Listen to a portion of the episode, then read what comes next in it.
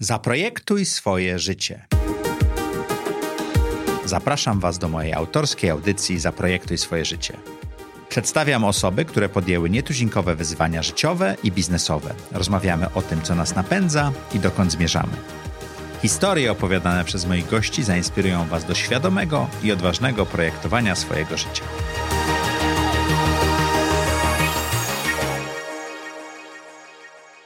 Cześć, witajcie w audycji Zaprojektuj swoje życie. Jak co tydzień w czwartek o czwartej zapraszamy bardzo interesujących gości. Dzisiejszym gościem jest Oleg Wandzel. Witamy Cię. Witam Ciebie serdecznie. Marcin. Bardzo się cieszę. Mi się udało wystąpić w Twoim e, podcaście już. Bardzo się cieszę, że zgodziłeś się przyjść do mojej audycji. Cała przyjemność po mojej stronie. Pamiętam, że żeśmy wtedy dyskutowali o tym, w jaki sposób e, faktycznie można przynosić e, publikę z jednego podcastu na drugi. Tak. Był taki plan na Twój, ale się tam opóźniły jakieś rzeczy zarówno u mnie, jak i u Ciebie, więc... To, to, to już, to już to minęły ze trzy miesiące chyba, tak? To nie wyszło. Tak. I oczywiście mieliśmy problemy ze sprzętem, tak jak przy Twoim nagraniu mikrofony padły, tutaj też jakieś szumy były, ale już chyba Oj. jest dobrze. Tak, jakaś złą, złą aurę przynoszę, ale to jest, jest zabawne, bo tamten mikrofon, na których my wtedy nagrywaliśmy, finalnie i tak nie trafiły do twojego show, bo nagrywam tak. na innych. Więc... Aha, czyli w ogóle inaczej. Tak, rzeczywiście mamy, mamy ma małe mikrofony w tej Ale chwili. jestem, jest dobrze, pogoda dopisuje humory również, mamy herbatę, jest... Jest dobrze. Jest stabilnie, jest stabilnie. No dobra, czyli początek był fatalny, bo sprzęt nie działał. Olku, słuchaj, czy pamiętasz, kiedy pierwszy raz się spotkaliśmy? Pamiętam, y, pamiętam to było na kolacji, na kolacji startującej trzecią rezydencję tego, jak to się nazywało? Mm, nie, trzecią, Google, tak, Google, trzecią, Google trzecią, rezydencję, trzecią rezydencję Google Campusa, nie? Tak. No. Byliśmy w jednej z restauracji na warszawskim Powiślu i siedziałeś po drugiej stronie stołu. I zaczęliśmy rozmawiać o podcastach. Tak, dosiadłem się, dosiadłem się do ciebie, bo nie mogłem pić alkoholu i musiałem z kimś porozmawiać, a ty mówiłeś najwięcej, więc pomyślałem, że znalazłem swoją bratnią duszę. No dobrze, dobrze. Ale gadaliśmy o podcastach bezwzględnie o tak. Podcastach, o startupach, o tego typu rzeczach. Tak, tak, tak. tak Stąd tak. też moja gościnny występ u Ciebie. Nie, bezwzględnie. Znaczy, ja wychodzę z założenia, że nie wiem, nie wiem jak, jak, jak to u Ciebie wygląda, ale ja się stanowczo uczę przez osmozę i wszelkiego rodzaju, wiesz, absorpcję różnego rodzaju informacji, więc jak znajdę osobę, która, która ma tych doświadczeń więcej i zrobiła w życiu jakieś ciekawe rzeczy, a przede wszystkim w jakichś sferach, których ja kompletnie dotykałem, to, to zawsze gdzieś tam w naturalny sposób podchodzę i staram się. No tak, staram się po prostu wyciągnąć jakieś informacje i to nie na zasadzie, wiesz, powiedz mi, tylko, tylko faktycznie staram się w jakimś stopniu coś, coś, coś z tego wyciągnąć. Nie jest to na takiej zasadzie po prostu, wiesz, interesowny, tylko naprawdę wierzę w to, że że tylko w taki sposób będziesz w stanie, wiesz, jakoś tam się czegoś nauczyć i do przodu. Mm. I, a w tym przypadku też, też, też yy, wspominałeś, w, bo tam mieliśmy takie takie wprowadzenia, każdy z nas miał się przedstawić i, i, pamiętam, że w ramach tego intro właśnie powiedziałeś o tym, że planujesz nagrywać podcast. Tak, to, chyba, to chyba było tuż przed no, premierą, bo coś, to był coś, luty, No, no, no, to, luty. to, to już startujesz ze swoim podcastem i właśnie to mnie gdzieś zapadło z tyłu głowy, więc pomyślałem, że, że się przedstawię i pogadam. Jezu, to ponad 6 miesięcy temu jak, i nie mogliśmy się na to nagranie umówić. No. To teraz no. to moje klasyczne pytanie. Jak do tej pory wyglądało projektowanie twojego życia? Nie za dobrze, bo za każdym razem, kiedy projektowałem, to coś szło nie tak. Okej, okay, opowiesz nam o tym. Jestem bardzo młodym gościem, szczególnie biorąc pod uwagę... 24 lata. 24 lata, znaczy nie wiem, kiedy będziesz to emitował. Nie, no, śmieję się, oczywiście 24 lata. I to moje życie, jakbyśmy sobie na przykład, wiesz, spojrzeli kilka lat wstecz, no to miało wyglądać kompletnie inaczej. No ja byłem na drodze do tego, żeby być, tam byłem profesjonalnym sportowcem, chciałem być profesjonalnym Byłeś sportowcem. bramkarzem. Tak, byłem bramkarzem, chciałem być profesjonalnym sportowcem na wysokim poziomie. Grałem w, w poważnym klubie, w młodzieżowych reprezentacjach Polski. Mhm. Kilku moich bardzo dobrych kolegów z, z, z tamtych lat, z drużyny klubowej czy tej młodzieżowej reprezentacyjnej gra dzisiaj w pierwszej reprezentacji, więc no też wierzyłem, że w jakimś stopniu ten kierunek jest dla mnie. Biznes był gdzieś mi bliski ze względu na, na jakieś rodzinne historie. I, A to, prostu... nie, to nie był twój cel, bycie w biznesie? Wiesz co, ostatnio, ostatnio z kimś o tym rozmawiałem i w jakimś stopniu był, ale na pewno nie w tym momencie, w którym jestem czyli, teraz. Czyli raczej, raczej, myślałem, kariery, o tym, raczej tak? myślałem o tym, że kariera sportowa oprócz samego bycia sobą, jako, że po prostu jest bardzo interesującą rzeczą, tak? Mhm. to też jest dla ciebie bardzo fajnym takim jump startem do kariery po sportowej. Ja no zawsze też można zarobić pieniądze Ale nie, i, i mieć start, tak? Nie, w ogóle masz bardzo, relatywnie dużo pieniędzy, jak Ale na tak młody czasie. wiek, w bardzo krótkim czasie. E, Masz bardzo dużo czasu jako takiego, bo, bo, bo nagle ci się, wiesz, zwalnia cała twoja dotychczasowa działalność.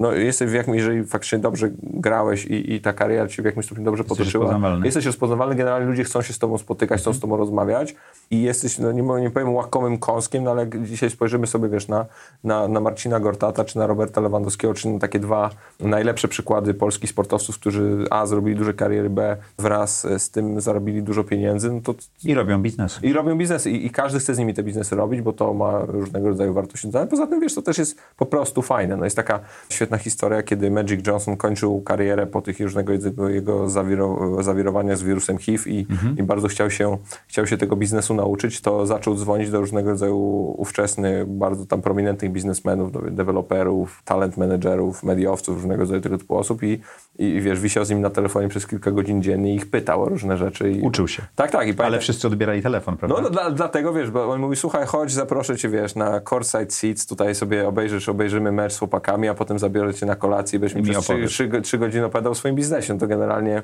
fajny pitch. Nie? To Jak- lepsze, lepsze niż najlepszy NBA, nie? No nie, dokładnie, nie, nie jestem w stanie sobie tego wyobrazić. I pamiętam, fajna, fajna historia. E, Michael Owic, czyli współzałożyciel takiej agencji CAA, no to jest jedna z największych firm talent managementowych. On zresztą też na pewnym etapie zrobił switch z, mm, z talent management, management na startupy i został doradcą Andreessen Horowitz, więc to też fajne takie, takie, takie przejście. Pamiętam, że on przez y, dobre kilkanaście miesięcy odpytywał Magica z Financial Timesa, dzwonił do niego randomowo codziennie i się pytał, co przeczytał. przeczytał, tak, czy to tak? przeczytał i co z tego zapamiętał. Więc Czyli też- taki mentoring czy coaching no dokładnie, wiesz, no i każdy miał jakiś tam powód, dlaczego to robić, ale wracając do, do, do pytania, no to chciałem być piłkarzem, to nie wyszło, bo, so, bo sobie zepsułem kolano, tak dość mocno.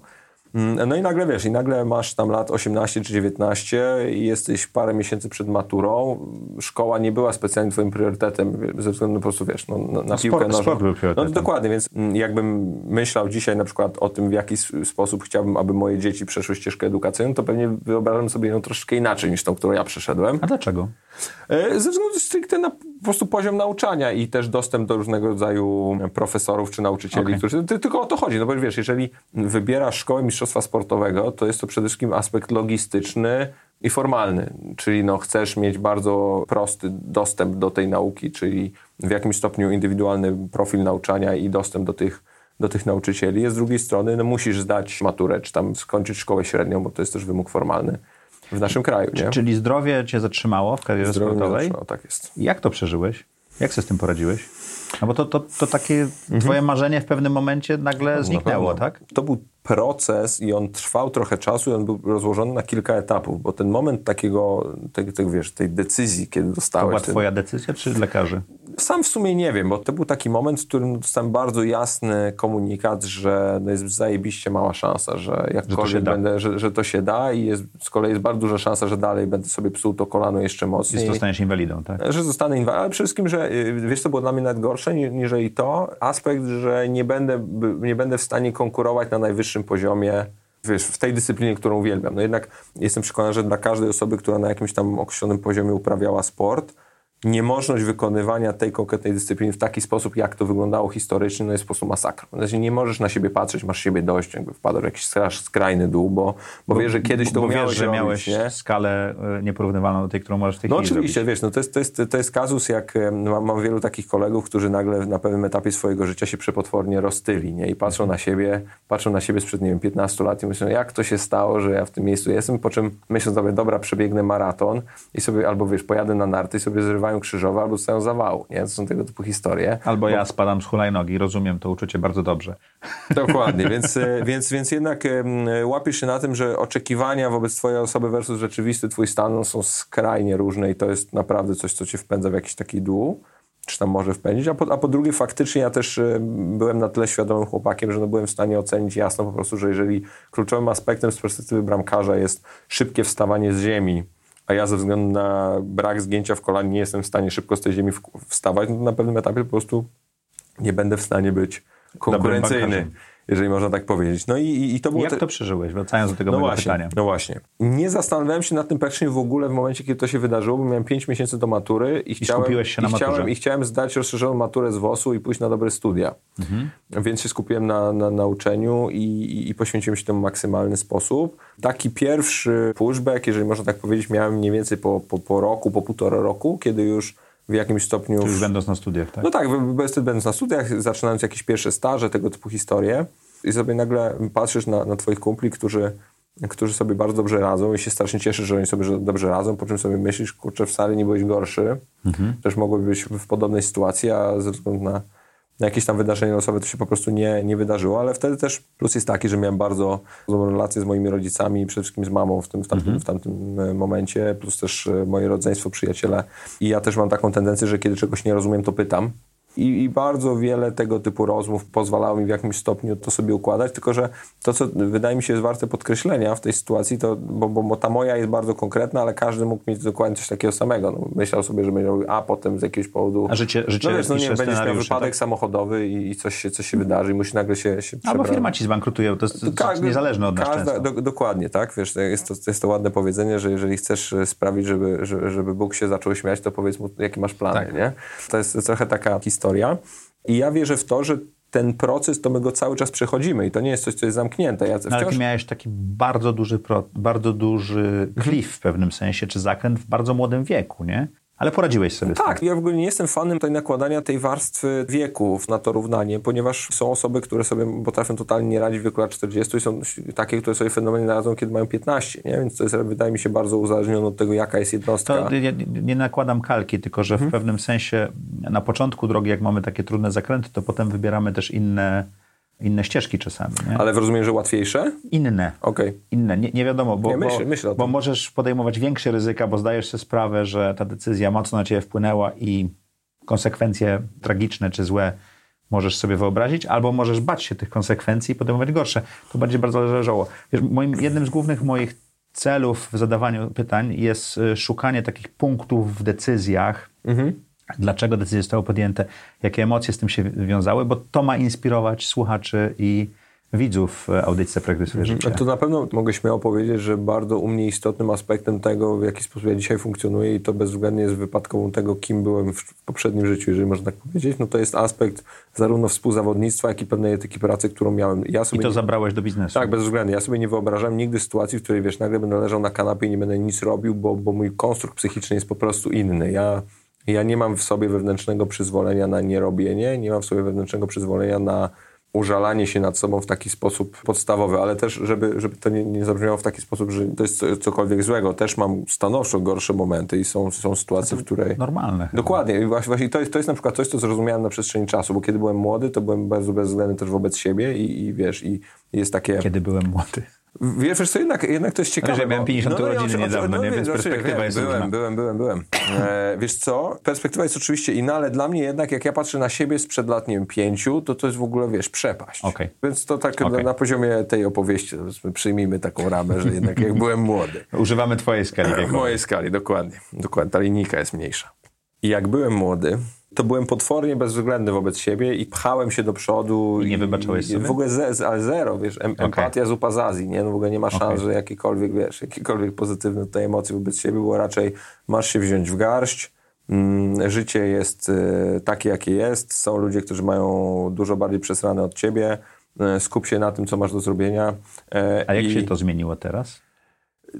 No jest to dużo mniej takie masz afirmatywne. Mił, nie? Jest tak, no, tak dokładnie. Tak, wiesz, się, stajesz rano i się naprawdę zastanawiasz, czy to, co robisz, ma sens, czy chcesz to robić. Jeżeli chcesz to robić, to dlaczego robisz to, co robisz i dlaczego w takim razie pchasz się do przodu, dlaczego się w taki sposób stymulujesz i czy te wybory, które podejmiesz naprawdę, to są te wybory, które chcesz podejmować. No to są jednak takie pytania, które musisz sobie zadawać, żeby, żeby w jakimś stopniu normalnie funkcjonować, bo na pewnym etapie po prostu doszedłem do, do sytuacji, nie miałem 22 czy 23 lata, jakieś tam doświadczenia i łapiesz się nagle w tym, że po prostu zapieprzasz do przodu, jesteś w jakimś pędzie, nie wiesz w sumie po A nie, co. Nie, nie wiesz dokąd, nie? Pamiętasz, jak rozmawialiśmy w tej mojej audycji, zadałeś mi takie pytanie, dokąd zmierzam? Tak.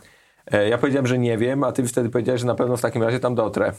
Tak, to bardzo stare powiedzenie. I bardzo mi się podoba i, i to jest, powiedzieć tak, gdybym to usłyszał parę lat temu, prawdopodobnie bym tego nie zrozumiał i bym się wkurzył, a, a z drugiej strony... Mm, a Przepraszam, nie było moją intencją wkurzyć cię, Nie, nie, wtedy, wtedy, wtedy, okay. wtedy, wtedy, bo, bo mówię, przede wszystkim bym tego nie zrozumiał, to jest jednak jest w kompletnie innym momencie życia, a teraz jak sobie na to patrzę, to dokładnie tak naprawdę o to chodzi. No, jutro może się wydarzyć coś totalnie niespodziewanego i w jakimś stopniu będę się też musiał przebranżowić. Ja wierzę w to i to mi się zawsze potwornie podobało, szczególnie wśród, wśród bo to też widać u, u sportowców, jest takie ładne, ładne sformułowanie po angielsku winners win.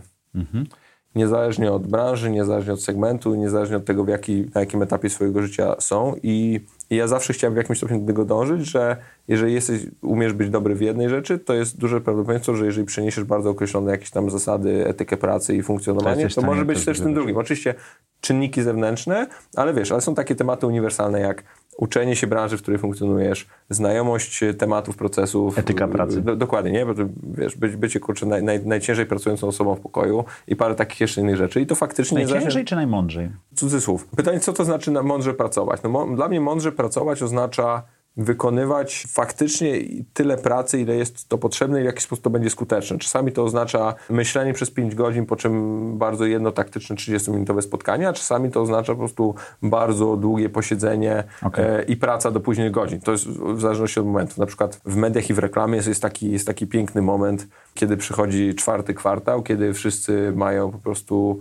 latają jak kot z pęcherzem, mają od cholery roboty i pracujesz... I budżety wiesz, do wydania pracujesz, mają, no, tak. pracujesz siódma, dwudziesta druga i, i, I tak jest. I tak jest. Więc dlatego też mówię, że musisz być świadomy tych zasad i w jakimś stopniu zaakceptować grę, w jaką grasz i rozumieć zasady. O, jeżeli tak miałbym to powiedzieć. Wiesz, ja chciałem wrócić do sportu jeszcze na chwilę, bo mhm. tłumaczyłeś, czym był sport w twoim życiu, a czym teraz jest sport w twoim życiu?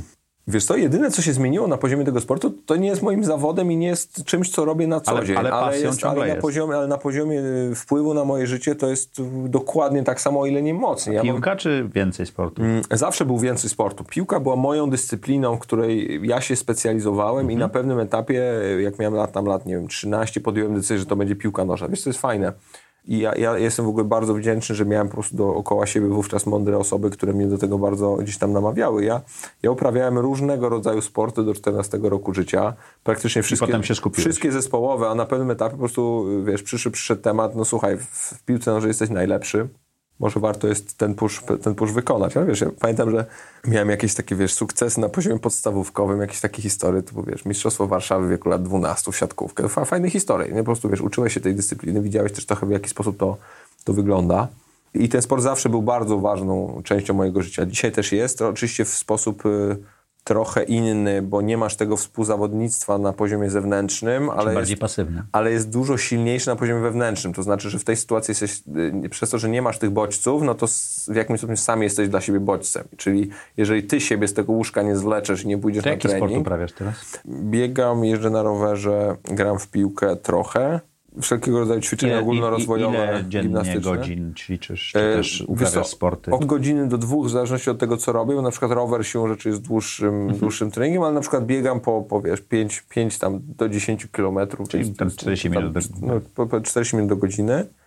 W przypadku treningów ogólnorozwojowych no to też jest około godziny. Ja, ja raczej stawiam na to, żeby się ruszać codziennie i żeby zrobić faktycznie jakiegoś rodzaju mały wysiłek. I to ci zostało z tego, z treningów przedtem, tak? Tak, to jest coś, co co widzę, że sprawia, że, jest, że działam jak taka dobra, dobrze naoliwiona maszyna. Chciałem nie? teraz zabrać do Twoich biznesów i Twoich doświadczeń, bo okay. pracowałeś na Legii Pracowałem e, w czasie studiów. E, tak. jako tam różne takie...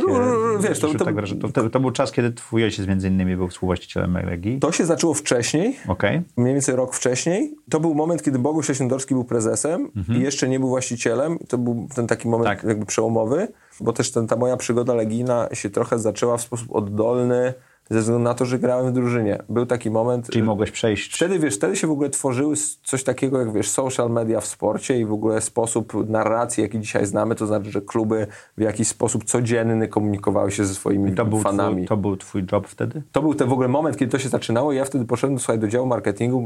Teraz zresztą mój, mój serdeczny kolega Wiktor Cegła mnie, mnie wtedy zaprosił, powiedział, słuchaj, jesteś piłkarzem, masz dostęp do szatni, zacznijmy coś wspólnego robić, a ja ci też trochę pokażę marketingu, nauczysz się tego, nie? Czyli ty byłeś w stanie przełożyć te relacje, które miałeś w szatni, a oni ci pokazali marketing, a ty rozumiałeś tak, social było, media, Takie nie? było założenie. Oczywiście wyszło trochę inaczej, e, okay. ale, ale takie było założenie. Przepracowałem tam, tam kilka miesięcy z takiego też dochodzenia, bo oczywiście miałem wiesz, dzienne studia. Wtedy to już był ten moment, kiedy właśnie byłem pomiędzy, kończyłem grać. I to było też gdzieś tam w jakiejś takiej w miarę zręczne. Ale wiesz, robiliśmy wtedy pierwsze, pierwsze znamiona branded contentu, wszelkiego okay. tego typu rzeczy, więc to też było śmieszne.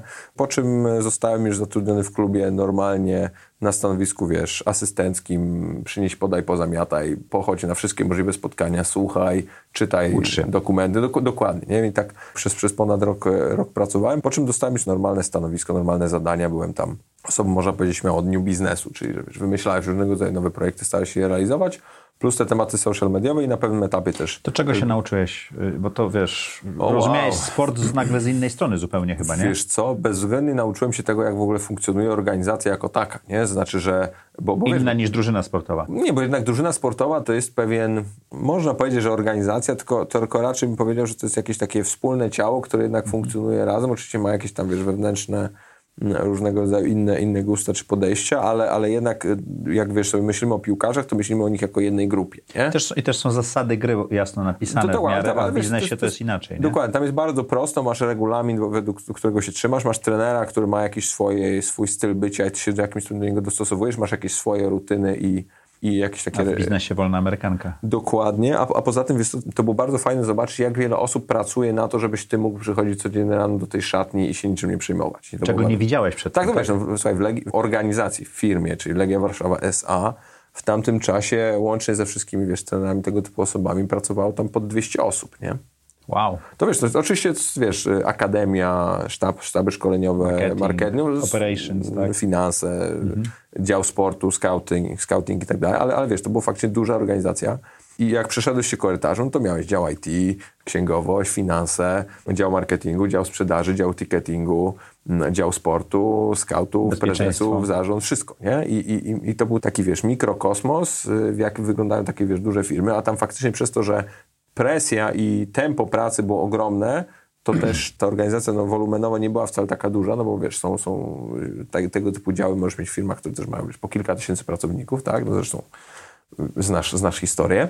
Ale tam przez to, że to tempo było niesamowite, to naprawdę mielenie było cały czas i tam też było o tyle to fajne, że kultura pracy polegała na tym, że tam szedłeś do domu dopiero jak było zrobione, A nie, a nie po o prostu szedłeś do domu, nie? Nie, nie, nie było 9 to 5, tylko, tylko No naprawdę... tam, myślę, że w, w biznesie sportowym też pracują ludzie z dużą ilością pasji, nie? Bezwzględnie tam nie było problemu z czymś, co wiesz, co, co, co, co teraz się nazywa kulturą organizacji. Nie? Tam, tam, tam po prostu to, że byłeś w tym klubie definiowało, jak się tam zachowujesz. N- nie- W ogóle nie było zająknięcia odnośnie tego, że ktoś czegoś nie robi albo ktoś nie jest zaangażowany. Nie? Oczywiście może były tam poszczególne osoby, które miały jednak taką pracę typowo no nie powiem najemniczą, ale jednak e, mogły ją wykonywać tutaj albo gdziekolwiek indziej nie miało to specjalnego znaczenia, ale, ale bezwzględnie w, w 99% przypadków naprawdę były to potwornie zaangażowane osoby, którą każdą z nich, wiesz, bardzo dobrze wspominam, cenię i dużo się nauczyłem. No i, i jako ten młody chłopak, no to wiesz, chodziłeś po tych działach, nosiłeś te dokumenty, pytałeś się różnego rodzaju rzeczy, byłeś brany na różnego rodzaju prezentacje, uczyłeś się mm, sposobu sprzedaży, uczyłeś się sposobu marketowania produktów, uczyłeś się różnego rodzaju problemów przeżywałeś jakieś swoje pierwsze zawody, odrzucenia, bo wiesz, new business siłą rzeczy zakłada, że w 90% przypadków jesteś odrzucany, tak? No masz jakiś pomysł, po czym go walidujesz, po czym się okazuje, że on nie ma sensu idziesz dalej, nie? I to, jak sobie na to patrzę, to to na pewno była jedna rzecz, która mi potwornie pomogła i, i wciąż pomaga, to znaczy pierwsze, wiesz, done is better than perfect i, i w tej sytuacji naprawdę ważne było to, że co robisz i z czego jesteś rozliczany. Po drugie, mój ówczesny szef, a, a dzisiaj też biznesowy partner, czyli Kuba Szumielewicz, powiedział mi wtedy, że niezależnie od tego, co robisz, y, musisz dowozić, musisz zamykać tematy i nigdy nie powinieneś być tą osobą, która ma super zajebiste pomysły, która potem nic z tym nie robi. Nie? Które, które się nie realizują. Dokładnie. On mówi, że możesz mieć, wiesz, jeden pomysł w kwartale, ale masz go zrobić i on ma być przeprowadzony dobrze, niezależnie od tego, czy są duże pieniądze, czy małe pieniądze. To jest pewna etyka pracy i pewna filozofia, którą musisz dążyć i wiesz, bezwzględnie dzisiaj tym kroczę. No a wiesz, ale też było fajne, bo jednak organizacja sportowa to jest też takie miejsce, w którym jeżeli ty chcesz, to naprawdę możesz dużo robić Okej. bo tam jest y, zazwyczaj jest zbyt mało osób do zbyt dużej ilości zadań, więc jeżeli faktycznie chcesz wziąć na siebie więcej, to po prostu mówię ci spoko, nie? go for it. E-sport. Druży, Masz drużynę AMG.net, jesteś tam współwłaścicielem. Skąd ten pomysł w ogóle? Mówiłem, Jak- o tym, mówiłem no. o tym makrokosmosie w kontekście drużyny sportowej, no to e-sport to jest dokładnie coś takiego, tylko że z perspektywy drużyny sportowej. To znaczy, że masz wszystkie te same procesy, wszystkie te same mechanizmy potencjalnie podobnych odbiorców na poziomie B2B, B2C, Okej. tylko z dużo mniejszą organizacją, ale z kolei globalną, co jest też fajne. Tak, no bo to e-sport Tak, to jest... był- ESPO jest z definicji jest globalny i, i to, co w AGO, w AGO jest według mnie bardzo fajne, to jest to, że po prostu możemy przełożyć jakieś nasze doświadczenia z, z biznesu sportowego per se na ten e-sportowy, a, a jak też widzimy, no on jest bardzo, bardzo podobny. Też zresztą wspomniany A jak przez... się tam znalazłeś?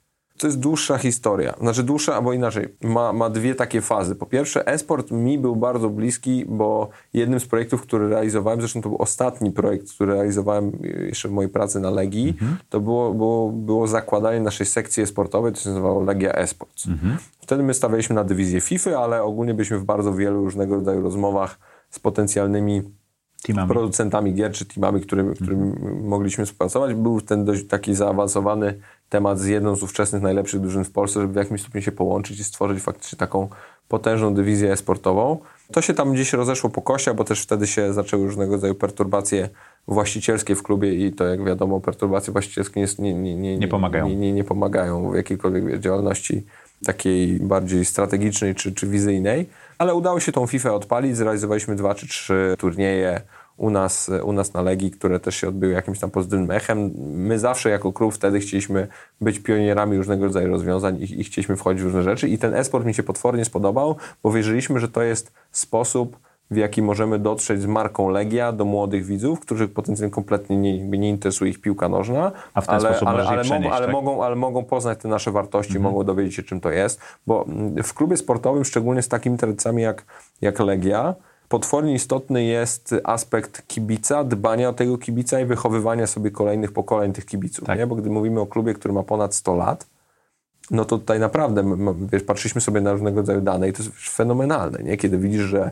że masz na przykład faceta, bo oczywiście mężczyźni to jest core, core target w, taki, w takich organizacjach, który, wiesz, przychodzi na, na twój stadion regularnie i jest bardzo taki, wiesz, powtarzalny w tym, po czym jest nagły taki spadek około tam 27-28 roku zakłada życia, kiedy spada, zakłada rodzinę, po czym ma, wiesz, lat 30-31 i znowu zaczyna, widzimy, że zaczyna chodzić i zaczyna chodzić ze swoim dzieckiem, nie? Mhm. I tego typu historie były I, i, takie projekty jak, nie wiem, Legia Soccer Schools, czy, czy właśnie taka sekcja sportowa miały, miały na celu pokazywanie, że z tą Legią możesz obcować na każdym etapie swojego życia, niezależnie od tego, jaką drogę wybrałeś, bo, bo ja też wierzę w to, że, że osoba, która zawodowo gra na komputerze czy konsoli też jak najbardziej jest, jest pełnowartościowa i może być, może być po prostu mhm. No to bardzo, też jest bardzo sport, może nie jest fizyczny, ale też wymaga takiej samej dyscypliny, prawda? Czasami o ile nie, nie, nie, nie, chcę powiedzieć większej, ale innej na pewno. Bo? Bo tam cykle treningowe wyglądają w sposób, in, kompletnie inny sposób. Okay. No wiesz, możesz mieć takie momenty, że masz na przykład budka, grasz w Counter Strike'a 8 godzin longiem, z jakimiś tam przerwami oczywiście, tak? Ale no nie, nie masz żadnego sportu fizycznego, w którym Który masz jednostkę tego typu poza wiesz, sportami ultra, nie? W masz, wiesz, mhm. wybieganie albo rower, który trwa 7 godzin, nie? No to, to są już takie hardkorowe przykłady. A tutaj mo, na co dzień po prostu masz wielo, wielogodzinne, wielogodzinne jednostki treningowe, taktyczne, pochłaniające ogromną ilość twojej energii i atencji. Bo... To co ci daje bycie w tym? W tym, tak, w e-sporcie. Perspektywy okay. pokazuje... A jak dużo czasu ci to zajmuje? Y, wiesz co, ja, ja, kompletnie nie jestem w to zaangażowany operacyjnie. My okay. się też tak podzieliliśmy. Wspomniany Kuba mhm. Szumielewicz jest prezesem AGO mhm. y, i Kuba AGO zarządza, zarządza też, y, też naszym... Czyli jesteś właścicielsko. Ja jestem współwłaścicielem razem z Bogusiem, z, z Kubą, z moim ojcem. Mhm. Tak, jesteśmy podzieleni, że no ja się zajmuję Abstra, Kuba się zajmuje AGO i od samego początku tak to miało wyglądać na poziomie Dobrze, tych naszych... już wymieniłeś Abstra. A może dokończę tylko co Dobrze.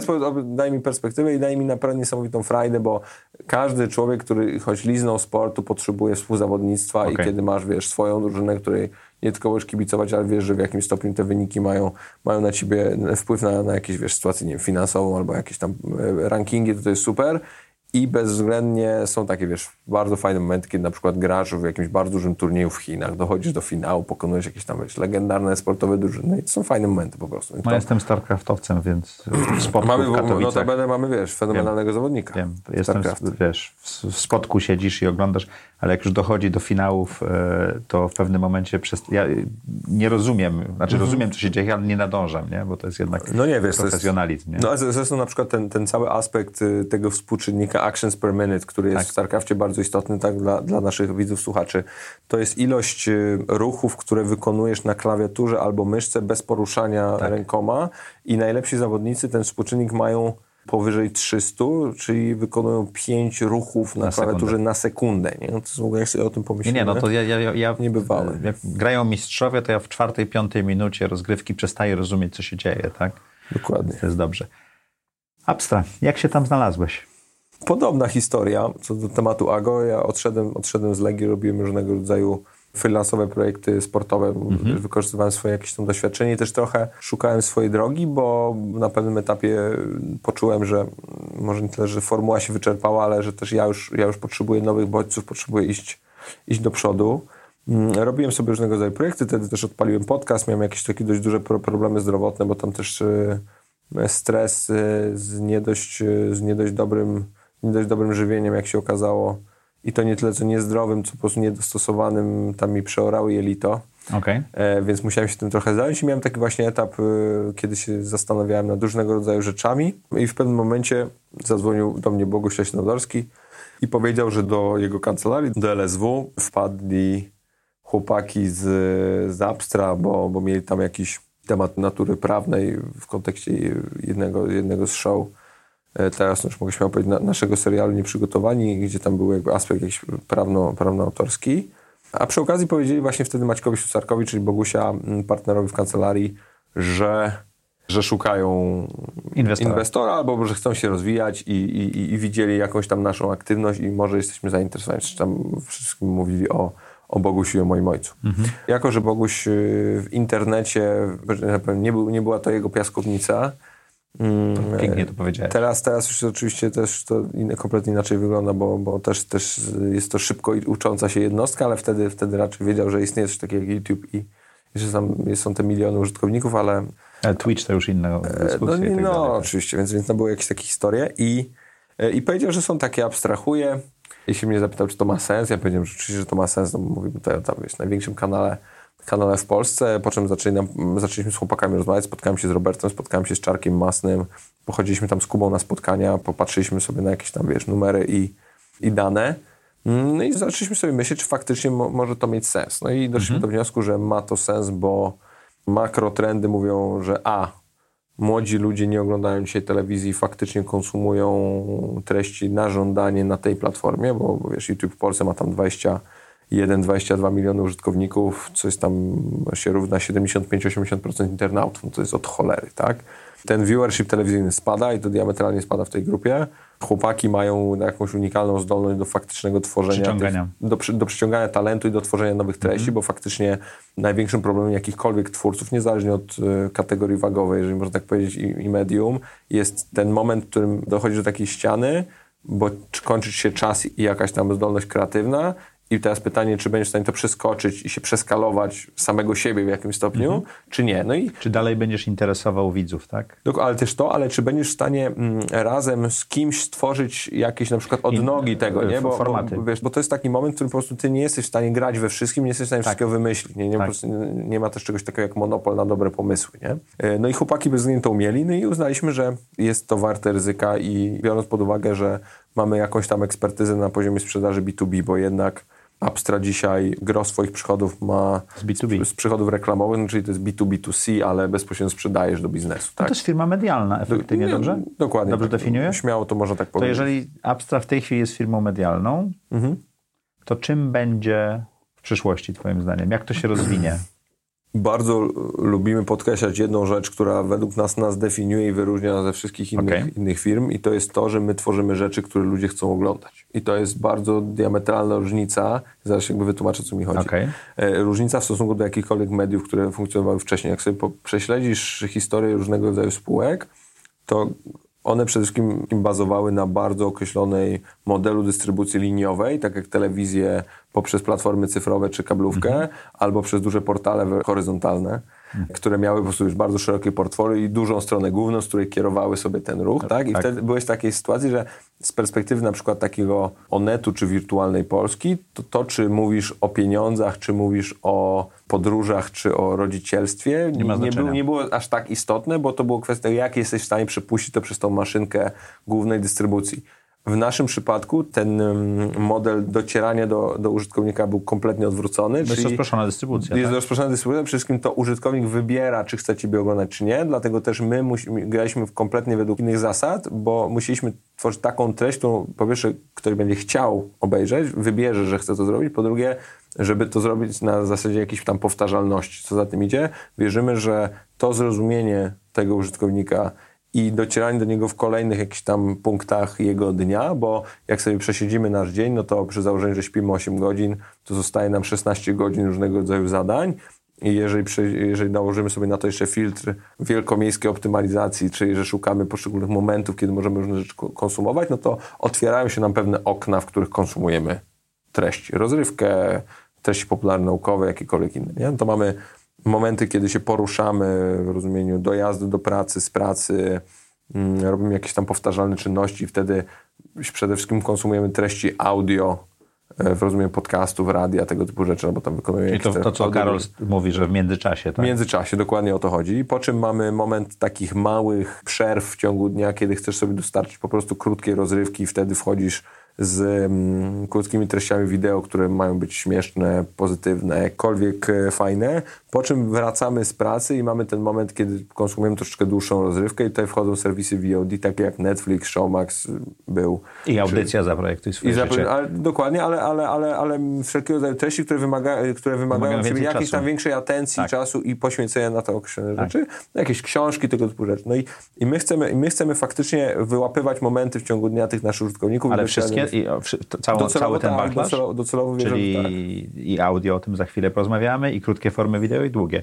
Ciekawe, bo tak. wymieniłeś TVN, Onetras i tak dalej, czyli mhm. waszą konkurencją są wielkie firmy medialne, tak jak to postrzegacie? I, I tak, i nie, y, bo naszą konkurencją też, sam, jak sam powiedziałeś, jest audycja Zaprojektuj swoje życie. I Netflix nie? i tak dalej. No nie, nie, nie, bo, bo, bo to faktycznie, jak nałożysz sobie na to filtr użytkownika, widza, to on ma w dupie, kto tak naprawdę Dokładnie. jest producentem treści. Ale to, to inaczej zadam pytanie, bo rzeczywiście tak jest, że użytkownik wybiera, kogo będzie oglądał, kiedy będzie mhm. chciał i wtedy konkurentem jest yy, każdy, każda gra, każdy, każdy, czas, tak? Wiesz, na przykład teraz jest ten taki, te takie słynne powiedzenie, że mm, Reed Hastings z Netflixa powiedział, że największym jego konkurentem jest Fortnite.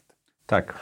Oczywiście Aczkolwiek ostatnio to... rozmawiałem e, z, z, ludźmi z jednej firm gamingowych i Fortnite zaczyna mieć e, zjazdy w dół, tak? No to, to jak, jak, każda gra na jakimś tam etapie, ale ja akurat uważam, że to jest bardzo dobrze zaprojektowany tytuł, plus jeszcze mają fenomenalną organizację, która jest nauczona się, rede... nie wiem, to jest bardzo ciekawe, ona się nauczyła redefiniować, nie wiem czy, czy wiesz, ale Fortnite przez dwa lata, no bo powstał tam w 2017 roku, wyszła pierwsza, jeżeli dobrze, dobrze pamiętam, od momentu incepcji miał, słuchaj, ponad 100 iteracji mniejszych i większych. Tak. Stary, to jest, wiesz... Takie oni resetują, wiesz, e, wszystko, pole gry, wszystko daily, i tak dalej. To jest daily, tak, tak. cały czas te patche, to wszystko, wiesz, jak sobie pomyślisz, jak sobie pomyślisz o, zresztą o, o, o treściach, na przykład YouTube w ogóle wywrócił to, w jaki sposób my myślimy o produkowaniu kontentu, bo gdy byłeś telewizją albo studiem filmowym, albo producentem filmowym czy serialowym do telewizji czy do kina, to miałeś ta, taki model pracy na projekcie. Wymyślałeś sobie jakąś koncepcję, rozumiem, scenariuszu, plotu, tego typu rzeczy, po czym robiłeś jakieś tam badania, zweryfikowałeś te koncepcje, prze, prze, przechodziłeś przez różnego rodzaju filtry wewnętrzne w ramach, nie wiem, studia filmowego, po czym tworzyłeś pilota, który był emitowany albo do bardzo małej grupy, albo w jakimś tam, wiesz, niszowym paśmie, żeby zebrać e, podstawowe informacje odnośnie tego, czy, czy to ma tak, ręce tak. i nogi. Po czym produkowałeś 12 odcinków pierwszego sezonu albo więcej. I zobaczyłeś, czy, I dopiero czy, wtedy byłeś w stanie to zobaczyć, nie? Tak. My dzisiaj jesteśmy w stanie powiedzieć, czy to, co zrobiliśmy jest dobre, czy niedobre po, wiesz, pierwszym dniu publikacji tak. na YouTubie, nie? No widzisz reakcję od razu. Tak, a jak jeszcze nałożysz sobie na to, że produkujesz tak naprawdę z tygodnia na tydzień i masz osoby, masz, masz zespoły, które są w stanie nakładać ten filtr, nakładać ten feedback na, na treść, to ty możesz być już kompletnie innym formatem tydzień później. To tak. jest w ogóle niemożliwe w telewizji, nie? To wracając do tego mojego pytania o może nie konkurencję, ale jakieś takie modele biznesowe i przyszłość Abstry. Czyli Abstra stanie się taką ogólnopolską firmą medialną w waszej aspiracji i planach? Abstra już dzisiaj jest ogólnopolską spółką no, medialną, no, bo, bo do ilość budżetów e, marketingowych, które pochłaniacie versus to, TVN jeszcze nie jest to tak jest, duża. Bo to jest diametralnie inne, to jest diametralnie inna kwestia, bo jedno to jest dotarcie, drugie to jest model biznesowy okay. i w tym przypadku dotarcie niestety w naszym przypadku nie oznacza więcej pieniędzy. Więcej Dlaczego? Dotarcie, zaraz do tego przejdę. Też odpowiem bezpośrednio na pytanie. Abstra dzisiaj chce tworzyć treści, które ludzie chcą oglądać w konkretnej grupie docelowej, bo tak. też jak mówiliśmy sobie o tym, że twój dzień w jakiś określony sposób wygląda, to też konsumpcja treści na przestrzeni twojego życia też inaczej wygląda. Mhm. Zobacz, że jakbyśmy sobie to mogli podzielić no, na fazy. Mówiłeś o fanach y, Legii, którzy przychodzą, przestają na przykład, wracają. To, to tak? dokładnie to samo, czyli masz, jesteś, wiesz, rodzisz się, na pewnym etapie zostajesz wprowadzony w świat rozrywki poprzez telewizję, czy jakiegoś rodzaju treści na, na żądanie, to robią twoi rodzice, tak? I jesteś tym małym dzieciakiem, sadzają cię przed telewizorem, zaczynasz oglądać pewne rzeczy, dochodzisz do takiej bariery, która no dzisiaj możemy śmiało powiedzieć, że to jest pomiędzy 12 a 13 roku, rokiem życia, świadomie konsumujesz swój smartfon, masz jakieś tam swoje aplikacje, chcesz zaczynać wyrażać siebie i tu zaczynają wchodzić różnego rodzaju aplikacje, takie jak Instagram, TikTok, Netflix i YouTube i tutaj zaczynasz konsumować różnego rodzaju rzeczy. I tworzyć, jak, jeżeli mówimy no, no, TikTok, Instagram. Oczywi tak. Oczywiście, ale, ale zaczynasz, tak mówię, mieć potrzebę wyrażania siebie, ale też przede wszystkim zaczynasz coraz silniej w sobie budować tą kontrę w stosunku do tego, czego, mm -hmm. co miałeś wcześniej. To znaczy, nie będę oglądał telewizji, bo pierwsze to wiesz, to jest kompletnie moje i, i bo, bo to mi pokazali rodzice. Po, po, drugie, też jak na, jeszcze na, do tego trzeba dodać aspekt linearności jako takiej. Jak wiesz, weźmiesz jakiegokolwiek dzieciaka dzisiaj, w rozumieniu osoby poniżej 15 roku życia, nie mają pojęcia, co to są spoty reklamowe. Nie wiedzą, co to znaczy pójść do o godzinie 17 przed telewizor i włączyć, bo później nie będzie. No, w sensie to nie funkcjonuje, nie? Więc, więc konsumpcja liniowa mediów jak, jakkolwiek w tej grupie nie działa, ale to do, do czego? Jest ten etap wyrażania siebie i dochodzisz do momentu, w którym zaczynasz już w jakimś stopniu masz te gusta ustalone i zaczynasz konsumować to, co chcesz konsumować wtedy, kiedy chcesz. I tutaj jesteśmy my, to znaczy jest ten gap pomiędzy, wiem, 15, 13 rokiem życia do 30, 34, czyli taka wyrwa pomiędzy jedną telewizją a drugą telewizją, bo wtedy zazwyczaj już masz dzieci, przestaje ci się chcieć, Mhm. Zaczynasz doceniać w sumie, że ktoś za ciebie wykonał tę pracę, na zasadzie choć polecę ci coś, co może być fajne i po prostu już konsumujesz na nowo w sposób, w sposób w jakimś tam stopniu e, liniowy albo tradycyjny i wracasz do tej telewizji, zaczynasz mieć telewizor w domu, kablówki, tego typu historie, chcesz na przykład poglądać sobie mecze, kupujesz te dekodery, wszystko za inne rzeczy. Oczywiście możemy rozmawiać o wiesz, przyszłości mediów, ja się zastanawiam, czy tak będzie wyglądać, według mnie nie, bo jednak... To jest stary sposób dystrybucji, nie? Bo jednak ten tryb na żądanie jest dzisiaj bardzo bardzo istotny i też jak widzimy po platformach różnego typu tam wiesz, typu DAZN czy ESPN+, to też sport może być na żądanie dzisiaj, mhm. więc też jest fajne. Ale do czego no więc my jako Abstra, czy wszelkiego rodzaju pochodne tej naszej firmy chcemy docierać w tej grupie 1334 z treścią, którą ci ludzie chcą no, ale macie w momencie, dotarcie, kiedy chcą oglądać. ale nie macie budżetów, tak? No i teraz, yy, I, i, do czego jak zmierzam? to będzie ewoluować? Z tym, że wiesz, nie mamy budżetów. One znaczy, ja mówię o, są niewspółmierne do tego, tak. jak wygląda to w mediach, w mediach tradycyjnych.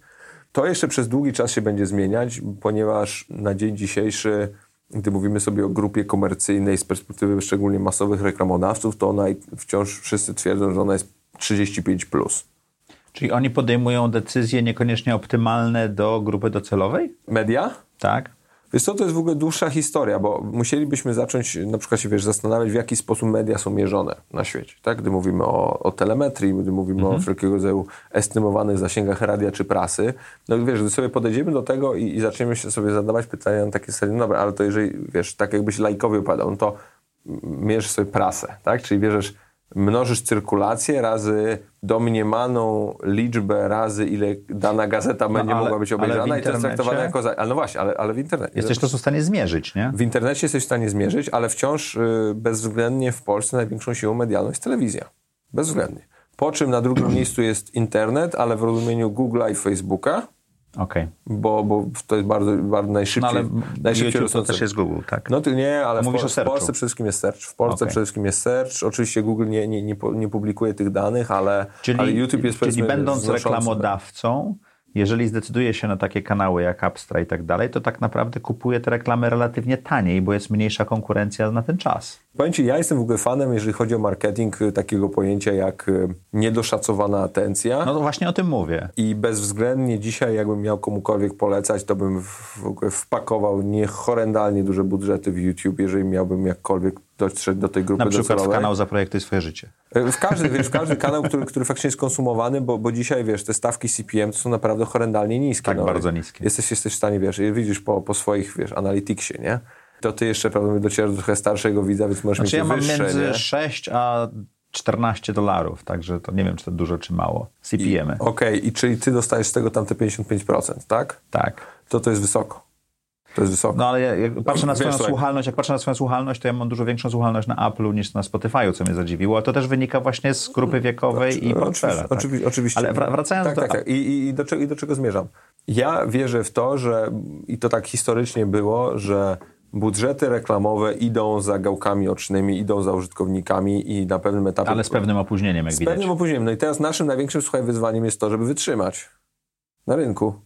No bo mieliście stratę całkiem znaczną. Wiesz co, w, I w tym roku- W w tym roku, w drugim roku również. W tym roku, w zależności od, od tego, jaki, jak nam wyjdzie czwarty kwartał, może być tak, że będziemy dalej mieli tą stratę, może być tak, że wyjdziemy na zero, może być tak, że będziemy na jakimś tam lekkim plusie. Wiesz dobrze, jak to wygląda. Czasem Czwarty jest kwartał stanowi połowę? Jedną trzecią? pomiędzy no, jedną trzecią na pewno, a może czasami trochę więcej. No, Okej, czyli, czyli rzeczywiście musisz estymować. To wracając do tej straty, rozumiem, że ta strata jest zaplanowaną formą działania i budowaniem y, rynku, tak? ja powiem tak, jest świadomą decyzją. Świadom- przepraszam, świadomą nie, nie, bo, nie, decyzją. bo wiesz, oczywiście nigdy, nigdy nie planujesz, że będziesz tracił kasę, w sensie nie chcesz tego robić. To zależy od perspektywy, Oczywiście, ale, ale w tej, albo inaczej, ja mam taką jakąś wewnętrzną potrzebę tego, żeby twój biznes generował pieniądze i, i bo, bo to też pokazuje ci, że, że w jakimś stopniu to, co robisz, to, co... To, To, to jest to liczenie tych bramek w piłce, nie? Że musisz wygrywać, no, tak? no wiesz, ale tak po prostu nie chcesz, nie chcesz robić czegoś, co nie ma sensu, Tak. nie? W biznesie, jak świetnie wiesz, no walidacją tego są jakieś tam bardzo konkretne metryki, tak? Od y, rentowności, marży, udziału w rynku i, i wszelkiego rodzaju tego typu rzeczy. I to, to, gdzie my dzisiaj jesteśmy, tak jak powiedziałem wcześniej, my chcemy wytrzymać na tym rynku, bo wierzymy, że ta zmiana faktycznie nastąpi. Wierzymy też w to, że tym grupom mediowym, o którym ty wspomniałeś, może nie tyle, co uciekła ta młoda grupa docelowa, ale oni mają dużo większy problem z docieraniem do, do tych użytkowników. I ja też wierzę w to, że po prostu w jakimś stopniu my sobie będziemy komplementarnie funkcjonować na tym rynku, bo też, żeby nagle zmienić o 180 stopni swoje funkcjonowanie, też nie jest proste. Wiesz, jak- jakbyś, jakbyś, jakbyś nagle w dużej organizacji powiedział, słuchajcie, no to teraz generalnie nie wydajemy setek milionów złotych na produkcję, tylko wiesz, jedną dziesiątą tego i musicie to też zrobić tak, żeby to się chciało oglądać, to może być to trudne, bo jesteś przyzwyczajony do jakiegoś tam określonego stylu pracy. Ale do, do, do, do czego zmierzam? Strata w Abstra dzisiaj oznacza jedną i przede wszystkim jedną rzecz.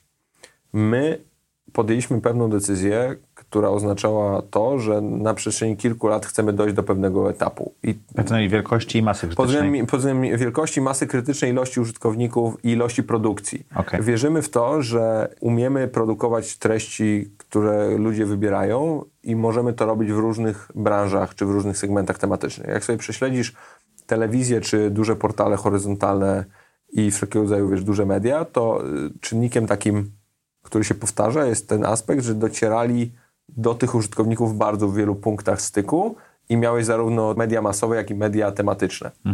I my wychodzimy z tego samego założenia. Mamy media masowe w tej grupie i chcemy też tworzyć media tematyczne i na przykład takim krokiem jest Food Track, czyli nasz kanał piłkarski, który dociera do tej poszczególnej Czy grupy. takim krokiem jest rozszerzenie się o podcasty? Na przykład również, ale, ale za chwilę będziemy mówili o beauty, będziemy mówić o gamingu, będziemy mówić o automotive, o wszelkiego rodzaju Czyli branżach. stajecie się jak kanał kablówki, który z tam sześciu nagle ma sześć tysięcy kanałów, tak? Może nie aż tyle, ale, ale tak, Okej. w taki sposób o tym myślimy. Też To zobacz, czym to cię wyróżnia od Onetu, o którym przed chwilą powiedziałeś? e, Właśnie?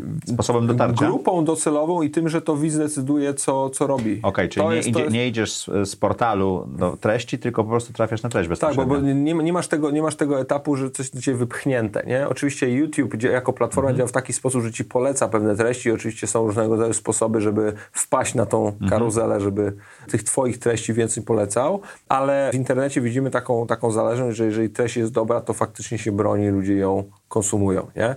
I my wiemy, że po prostu na pewnym etapie musimy dojść do pewnej skali tej naszej organizacji, żeby ona była w stanie A, być beneficjentem tej skali, B, zbudować sobie pozycję w tych, w tych miejscach, bo my dzisiaj, jakbyś sobie prześledził nasz, naszego PNL-a, to zobaczysz bardzo zdrową pierwszą marżę, bardzo zdrową drugą marżę A bardzo dużo idzie na produkcję, tak? i ogromnego overheada. Ogromnego. W sensie no, mamy... Albo dlatego, że wy tworzycie coraz nowe to formaty, Ale tak? przede, wszystkim, ale przede wszystkim, wiesz co, my, my żeśmy zbudowali y, bardzo określony front i back office, który jest przygotowany na zarządzanie dwa razy taką organizacją. Czyli ty już jesteś firmą, jesteś już w firmie medialnej, która ma wielkość, którą osiągnie za kilka lat. Pod względem headcountu, tak I o o, operacji. Do podcastów przejdę. Skąd pomysł na dodanie podcastu? No bo to jest kolejny ten okno, okno atencji, do którego nie docieraliśmy, które bezwzględnie jest, które będzie rosło. Dzisiaj w Polsce ludzie słuchają podcastów, choć nie mają pojęcia, że to się tak nazywa. I od zawsze, odkąd powstała technologia umożliwiająca szeroki broadcast audio, szeroki broadcast. A to, broadcast to, to, audio. To jest, to jest radio po prostu tylko, to jest, że to jest na żądanie. radio, radio tak? na żądanie w internecie, w formie cyfrowej, w, nie, zajmujące, nie zajmujące tyle, wiesz, tyle miejsca i, i A pamięci. czemu współpraca z Karolem Stryją? E, Bo ja wierzę w to, że wszystkiego samemu nie jesteś w stanie zrobić. Karol Okej. ma bardzo konkretną ekspertyzę w tym No temacie. to jest, bardzo, jest, bardzo, jest, bardzo, jest bardzo zmotywowany, żeby, żeby, żeby to zrobić i, i ja wierzę w to, że, że, trzeba, że, że naszą największą siłą będzie stawianie na bardzo dobrych ludzi w poszczególnych tych segmentach. Nie? No dobrze. I tak A jak ty mam, też masz swój podcast. mam swój podcast, Po co? bo lubię. Bo lubię rozmawiać z ludźmi. Bo Zrobiłeś to dwa lubię- lata temu, dobrze? Y, 2017. Dwa i pół, to był czerwiec 2017. No, Okej. let's say dwa i pół. Po co? Bo lubisz? Bo lubię rozmawiać z ludźmi. A bo... zacząłeś od sportowego pod, podcastu w Yy, większości. Bo nie? wiesz co, bo się dzisiaj sobie na to patrzę, to bezwzględnie wy- wynikało to z dwóch aspektów. Po pierwsze strachu, po drugie z syndromu oszusta. E, Yy, strachu i o to, że, oszusta. strachu o to, że nie będę w stanie dźwignąć rozmów pozasportowych, a syndromu Okej. oszusta dlatego, że masz taką tendencję, no mówię sobie, jak to jest możliwe, że chłopak bez żadnego dziennikarskiego doświadczenia, bez w ogóle żadnej pracy w mediach teraz nagle będzie z ludźmi rozmawiał i, I bez doświadczenia w biznesie. Jakimkolwiek doświadczenia tak naprawdę. Nie? Czyli zacząłeś od sportu, bo to rozumiałeś. Bo to rozumiałem, znałem i mogłem sam sobie sprzedać to, że to nie jest jakieś totalne szarlataństwo, nie? I robisz podcast, bo? Bo chcę się uczyć, bo chcę poznawać ludzi, bo chcę złapać dob- perspektywę. dobry klucz do otwierania drzwi, prawda? Według mnie jedyny słuszny. Dzień dobry, chciałem nagrać wywiad i tak dalej. Maciek, no zobacz, w życiu tak naprawdę byśmy się nie poznali i nie nie porozmawiali, podcasty. gdyby nie podcast. I też y, ja jestem daleki od powiedzenia, że podcast to jest jedyny powód, dla którego też jakby dzisiaj, wiesz, rozmawiamy, nie? Bo, ale był przyczyną. ale był przyczyną i, i na pewno też wa ważnym jakimś tam, ważnym punktem, który był tym takim, wiesz, y, za punktem zapalnym, nie? Mhm. I to jest, i to jest pewnie to, ale przede wszystkim ja wierzę w to, że na, na każdym etapie swojego życia musisz mieć coś, w czym możesz się totalnie zatracić. Oczywiście mówię Ale teraz w zatracasz się sposób. w biznesie. Nie, właśnie. Nie? Wiesz to biznes, ja, ja, ja biznesowi poświęciłem swoje życie, ale widzę, że są takie momenty, zresztą z Marcinem Bemem o tym rozmawiałem, ty, ty, ty również. On bardzo fajnie mówi o, te, o pewnej sinusoidzie, która jest, Tak. jeżeli chodzi o wiesz, bycie, bycie przedsiębiorcą. No, on już jest długo w, tym, w tej firmie. no 10 to wiesz, lat, 10 nie? lat i ja wow, podziwiam, nie? No. Naprawdę jak jedziesz na tym roller coasterze praktycznie codziennie od kurde 10 lat, to naprawdę jest grubo, nie? A jak jeszcze jesteś młody, nie masz tych doświadczeń, nie widziałeś tak wielu rzeczy, to ty masz takie wrażenie, że kiedy wiesz, e, masz ten pierwszy moment, kiedy tracisz klienta i sobie myślisz, że to jest koniec świata, po czym łapiesz tym, że to jednak nie jest koniec świata. A podcast był dla mnie zawsze miejscem, w którym mogłem przyjść, niezależnie od tego, co się działo, to było moje półtorej godziny. I tak cały czas jest. E, To jest I coś... nagrywasz co tydzień? Nie, emituję codziennie, nagrywam w takich interwałach raz w miesiącu przez tydzień, czyli mam tygodnie... A że masz spotkanie po spotkaniu, Tak, czyli że tak? po prostu na przykład, wiesz, te, akurat tak się złożyło, że ten tydzień mam podcastowy. Dziękujemy, że jesteś u nas. Zrealizowałem cztery odcinki własne plus ten dzisiejszy, nie? Dobrze. No I, i sobie, sobie je będziemy emitować tam w jakimś okresie To jesteś czasu. przedsiębiorcą czy influencerem? O, influencerem na pewno nie jestem. Ale ciebie słucha Kilka tysięcy kilka osób. tysięcy osób, no. Nie, w żadnym, w żadnym na pewno się tak nie, nie, nie uważam. Ja też, ja też się, się nie, nie, nie uważam za biznesmena. Wiesz co, ja jestem ciekawym dzieciakiem, potwornie ciekawym dzieciakiem i to bezwzględnie mnie cechuje. Ja jestem, jestem dzieciakiem, który chce poznawać świat, który chce w tym świecie coś ważyć, w rozumieniu takim, że chce coś zrobić i chcę widzieć, jak ten świat zmienia się pod wpływem tego, czym ja się zajmuję albo w jaki sposób to robię. I to jest coś, co wiąże się również z moją, wiesz, historią piłkarską, to znaczy sport jest o tyle przepięknym zjawiskiem, że daje ci w sposób instant Feedback. informację zwrotną. zwrotną Biznes nie? podobnie, nie? Wiesz co, i tak i nie, bo są te na Okej, przykład... ale podcast na pewno, bo to od razu widzisz. Podcast na pewno, ale, ale, też, ale też i YouTube jest o tyle przepiękny, wiesz, jak my, my, my publikujemy kilkadziesiąt filmów miesięcznie i to wiesz po prostu, czy robisz dobre wyniki, nie? Okej. I, i, tutaj, I tutaj każdy kolejny film jest dla ciebie jakimś tym takim mikro, mikro potwierdzeniem albo zaprzeczeniem, czy idziesz w dobrym, czy, czy złym kierunku, nie? To mam teraz pytanie takie może trudne, może nie. Pracujesz z ojcem? Ojciec, Właśnie nie, nie do końca. No, ale nie, nie ojciec- pracuję. Jest zaangażowany w ten, ten projekt. Jestem Okej, zaangażowany w projekt z ojcem, Ojciec ale nie- zainwestował pieniądze, tak? W pewnym sensie, więc... też, no, dosłownym. To- Przepraszam, dosłownie zainwestował. Dzięki niemu masz łatwiejszy dostęp do biznesmenów, prawników, Bogusia i tak dalej, Mhm. poniekąd, bo się znacie. Jak to wygląda z twojej perspektywy? Czy to pomaga, bo masz ten łatwiejszy dostęp, czy to utrudnia, bo zarządzasz pieniędzmi ojca i tak dalej i, i znajomych? Jak ty się w tym odnajdujesz? Bo efektywnie jesteś z drugim czy trzecim pokoleniem przedsiębiorców, przedsiębiorczym, Drugim, nie? drugim, drugim, Okej. drugim. No wiesz, no nie w Polsce trudno jest mówić o trzecim pokoleniu, nie? To prawda. I to przejście pokoleniowe jest bardzo trudne w Polsce, bo w tej chwili, wiesz, kupa biznesów będzie z tym się mierzyła. To, to jest w ogóle dłuższy temat. U nas w takiej, w ta, do takiej bezpośredniej sukcesji nie dochodzi, bo jednak korem biznesu mojego, mojego taty są nieruchomości i wszelkiego rodzaju działalność dookoła tej, tego segmentu. Czyli ty I, robisz taki... I on się na tym skupia.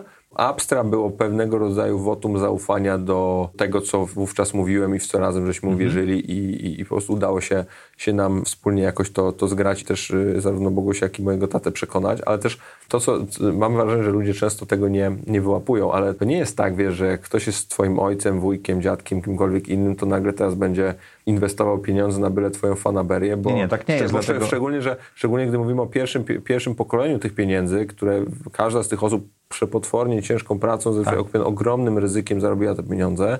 I gwarantuję wam, że to są ostatnie osoby, które będą jakkolwiek chciały się tych pieniędzy pozbywać, a na pewno na jakieś absurdalne historie. Nie? W sensie to, to w ogóle... No ale patrząc y, z perspektywy kogoś, kto inwestuje w nieruchomości mhm. i przejmuje przedsiębiorstwa i nagle ma zrobić firmę medialną w YouTubie, no to to jest absurdalne przedsiębiorstwo. Wiesz co? Znaczy można by tak e, powiedzieć. Tak? Znaczy tak? to, jest, to może być absurdalny pomysł, ale to nie jest absurdalne przedsiębiorstwo. Czyli, czy, I na pewno, i na pewno jestem przekonany o tym, że gdyby on chciał sam to zrobić i powiedzieć, dobra, tak jakby wiesz, macie moje pieniądze i teraz coś z nimi zróbcie, to było głupie.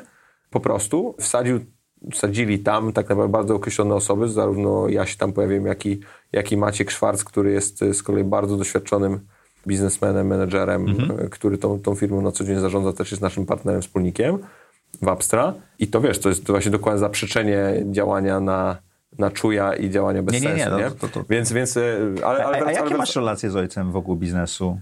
Właśnie do tego chciałem przejść. My na co dzień nie pracujemy ze sobą, raczej wręcz staramy się zbyt dużo o tych aspektach biznesowych nie rozmawiać. Yy, mamy bardzo jakieś tam określone formalne momenty, w których yy, w rozumieniu posiedzenia rad nadzorczych, tam walne zgromadzenia wspólników, w momentach, w których rozmawiamy o tym naszym biznesie i raczej staramy się nie... Ale wtedy jesteście wspólnikami bardziej, Wtedy tak? jesteśmy wspólnikami, rozmawiamy jak wspólnicy. To był, jeżeli miałbym powiedzieć, yy, moment, w którym taka powiedzmy sytuacja, która była najtrudniejsza, to faktycznie wyrobienie sobie pewnego rodzaju sposobu komunikacji. No poprzez rozmowę i próby i błędy i bardzo wiele potknięć w międzyczasie. Martyna Sztaba, która tutaj była i ojciec ją zaprosił do, do firmy, powiedziała, że w momencie, kiedy weszła do firmy, to przestała mieć ojca, zaczęła mieć wspólnika Bogdana, tak? Bo to też takie że, że, musieli to przerobić, tak? Ale to widzisz, no to ja z kolei, ja to też, i wydaje mi się, że to był w ogóle taki moment dość, dość istotny i na pewnym etapie z, z tatą rozmawiałem i powiedziałem mu, słuchaj, jakby ja zawsze wybiorę ojca na wspólnika i ja też wiem, że ty zawsze wybierzesz syna na wspólnika i jeżeli będzie jakakolwiek sytuacja, która będzie mogła jakkolwiek ingerować w tą naszą podstawową relację, to to nie ma sensu. Czyli sobie jako, to powiedzieliście, ustaliliście jasno, zasady gry, tak? jasno, Bardzo Oczywiście, wiesz, my cały czas je ustalamy i cały czas... No bo sytuacja się rozwija, tak? Bo to uczymy się też tego, też, wiesz, nigdy nie miał wcześniej takiej sytuacji, tak samo ja, ja jej nigdy okay. nie miałem, nie? To jest w ogóle, to jest bardzo ciekawe, często się mówi tylko o perspektywy osoby, wiesz, wchodzącej, czyli tego drugiego pokolenia. Nie, nie, to jest, to Rzadko są, to kiedy są, mówi się o tej drugiej, obie, nie? nie? A, to też, a to też naprawdę, bo wiesz, w przypadku, nie wiem, na przykład Stanów Zjednoczonych czy Wielkiej Brytanii, kiedy mówimy o wielopokoleniowych biznesach, kiedy na przykład twój ojciec jest czwartym pokoleniem pieniędzy, to on już też wie, z czym to się jej, był w obu sytuacjach i może mieć troszeczkę jakby inny poziom empatii w stosunku do siebie, albo wręcz mieć bardzo określony... My, mamy, jesteśmy wszyscy noworzeszami w Polsce, tego, nie? tak? Wszyscy, się tego, wszyscy, kapitał, wszyscy się tego uczymy. Wszyscy się tego uczymy i, i to też bezwzględnie, to też bezwzględnie nie, nie, nie było proste. A nie? osobiście nie to jest... poprawiło twoją relację z ojcem? Zmieniło ją? Czy, czy, czy jakiś inny przymiotnik? Hmm. No, powiem tak, na pewno na przestrzeni ostatnich lat moja relacja z tatą się poprawiła. A to wynika z twojego dojrzewania, czy zrobienia biznesu to, razem? Nie, to wynika z tego, że zaczęliśmy dużo więcej rozmawiać okay. i, i, i, artykułować jakieś określone potrzeby, ale też ja przestałem w jakimś stopniu przywiązywać y, swoją wartość samoocenę do tego, w jaki sposób on mnie postrzega, czy w jaki sposób jakby, co on dojrzewa, robił. Dojrzewa, dojrzewasz jako osoba. No siłą rzeczy, nie? W jakimś okay. stopniu. I, i to na, i na pewno też przez to się, to się to poprawiło, bo w wielu przypadkach jest tak, że dziecko ma jakiś określony, nie, nie wizerunek, ale taką wizję tego swojego rodzica i bardzo chce się do tej wizji w jakimś na stopniu... czy na ołtarzu. Tak, nie? w jakimś stopniu bardzo chce do tej, do tej wizji aspirować, po czym się łapiesz na tym, że E, no to jest taki trochę moment, wiesz, masz jakby to taki faktycznie, tu jesteś, wiesz, totalnie zajebisty, fenomenalna osoba, po czym masz ogromny kryzys tego autorytetu, po czym dochodzi do pewnego takiego equilibrium się łapiesz na tym, że to jest osoba, która ma zarówno plusy, jak i minusy. Ale to masz olbrzymią świadomość tego, taką bardzo wysoką tej relacji. No moż, możliwe, no. W sensie ja ci powiem, że bez, bez tego to by chyba, wiesz, yy, bym, bym poległ, nie? No też masz silny charakter ojca, nie? To też no, to, to osoby, na pewno, które odnoszą na, sukces to w biznesie mają silny charakter. No, to na, pewno, to na pewno było istotne, nie powiem, że łatwe, mhm. ale istotne. I też, e, wiesz, to takie w ogóle przełomowa rzecz dla mnie przynajmniej była taka, kiedy wytłumaczyłem też sobie i zrozumiałem, że wiesz, jest takie ładne stoickie powiedzenie, że jedyna rzecz, którą jesteś faktycznie w stanie kontrolować, są twoje własne myśli, nie? Tak, i uczucia. Dokładnie. I w tej relacji to było dokładnie to samo, znaczy to jest jedyna rzecz, którą ja byłem w stanie zmienić. Nie byłem w stanie zmienić tego, jak on na mnie reaguje, albo w jaki sposób on się do mnie odnosi, albo jakim on Co jest on człowiekiem, myśli? nie? Na przykład trywialna rzecz. Po, mogę przeklinać? No najwyżej wytniemy, ale Może. oczywiście, że możesz. Potwo o Jezus Maria, potwornie wkurwiało mnie to, że on się spóźniał. Ale to tak po prostu fundamentalnie. I to jeszcze jak, wiesz... Ale nie mogłeś tego zmienić. To mówimy o takich, wiesz, spóźnieniach 25, 30, 40 minut. Są takie historie, że po prostu byś, wiesz... Biznesowo czy prywatnie? Na pewnym etapie tu, wiesz, misz masz, okay. Ale zawsze, nie? Zawsze. I na pewnym etapie ja już po prostu ja byłem, wiesz, byłem skrajnie, skrajnie wkurwiony i mówisz, wiesz, i, i, do tego zaczynasz sobie dopowiadać historię, wiesz, on mnie nie szanuje, nie szanuje mojego czasu. Ale to e, są twoje myśli. No oczywiście, tak, no cały czas sobie sprzedajesz, nie? Po czym sobie myślisz, kurde, tak naprawdę, no to fakt jest taki, że się do wszystkich tak spóźnia, czy spóźniał. Mówię sobie, kurde, no to, to naprawdę nie ma znaczenia z, z, mojej perspektywy tej relacji z nim. Rób to w taki sposób, żeby to było skuteczne, a nie żeby to było takie, jak ty chcesz, bo to, że ja jestem na czas, nie znaczy, że on musi chcieć być na czas. I, albo móc. Albo no, chcieć. No nie wiesz, bo to jest zawsze kwestia organizacji czasu. No, ja w momencie, kiedy jesteś wiecznie spóźniony, to nie wydaje ci się, że to jest proste ale gdy jesteś osobą raczej zorganizowaną, to wszystko ci wydaje proste, bo po prostu to jest dla ciebie fundamentalna wartość. To, że jesteś na czas, to, że jesteś przygotowany, to, że zawsze wiedziesz, co, jak się zachować, czy co powiedzieć, nie? Ale do czego, do czego zmierzam? Głupota. Poprosiłem go, żeby zaczął mi mówić, kiedy się spóźni. I zadziałało? Nie, jakby dalej się spóźnia, tylko ja wtedy wiem, że nie, nie siedzę 30 minut jak debil A czy on ci się nakręca. pisze wiadomość, tak, że będzie Słuchaj, będę, nie wiem, 15 minut później, a czasami jest na czas i faktycznie jest spoko, nie? Więc y, jakoś tak y, spinając klamrą to, to, czy mówiłem przed chwilą, to na pewno nie jest to proste. Nie mamy codziennego kontaktu operacyjnego, nie raportuję okay. do mojego ojca, więc też nie jestem w stanie powiedzieć, jakby to wyglądało. Prawdopodobnie byłoby to trudne, bo też wiem, że jego model model współpracy to jest my way or the highway, nie? Więc tam, tam nie ma za bardzo miejsca, ale też jestem przekonany, że gdybym się na pewnym etapie na to zdecydował, to, to znowu musisz być świadomy gry, w którą grasz i mhm. znać zasady tej gry. Jak idziesz do wojska, to, tak to nie każdy będziesz... inny wspólnik, nie? Dokładnie, więc, więc to jest po prostu każda decyzja biznesowa wiąże się z jakimiś określonymi parametrami tej, tej, tej, tej decyzji czy tego funkcjonowania, więc, więc staram się być w jakimś stopniu świadomy. A tata jest dla mnie potworną, potworną inspiracją i, i takim i takim Potworną? punktem... Jest, wiesz co, wiesz co jest fajne? Mm, śmieszne? E, cały czas mi zwraca uwagę, że nadużyłem słowo potworne, przeraża, przerażające, fundamentalne i takie... Ten, mam, teraz taki, horror, nie? mam teraz taki moment, e, kiedyś mówiłem generalnie albo różne okay. no, każdy ma jakieś takie słowo, ale w każdym razie... Czy jest wielką inspiracją? Bar, bardzo, bardzo dużą inspiracją, bardzo dużą inspiracją. Przede, I to też w taki sposób raczej poprzez obserwację, niżeli poprzez przekazywanie tej wiedzy, bo nie wiem, czy też to zaobserwowałeś, ale mam takie wrażenie, że w wielu przypadkach to pierwsze pokolenie nie ma wcale wyrobionego nawyku przekazywania wiedzy i doświadczeń.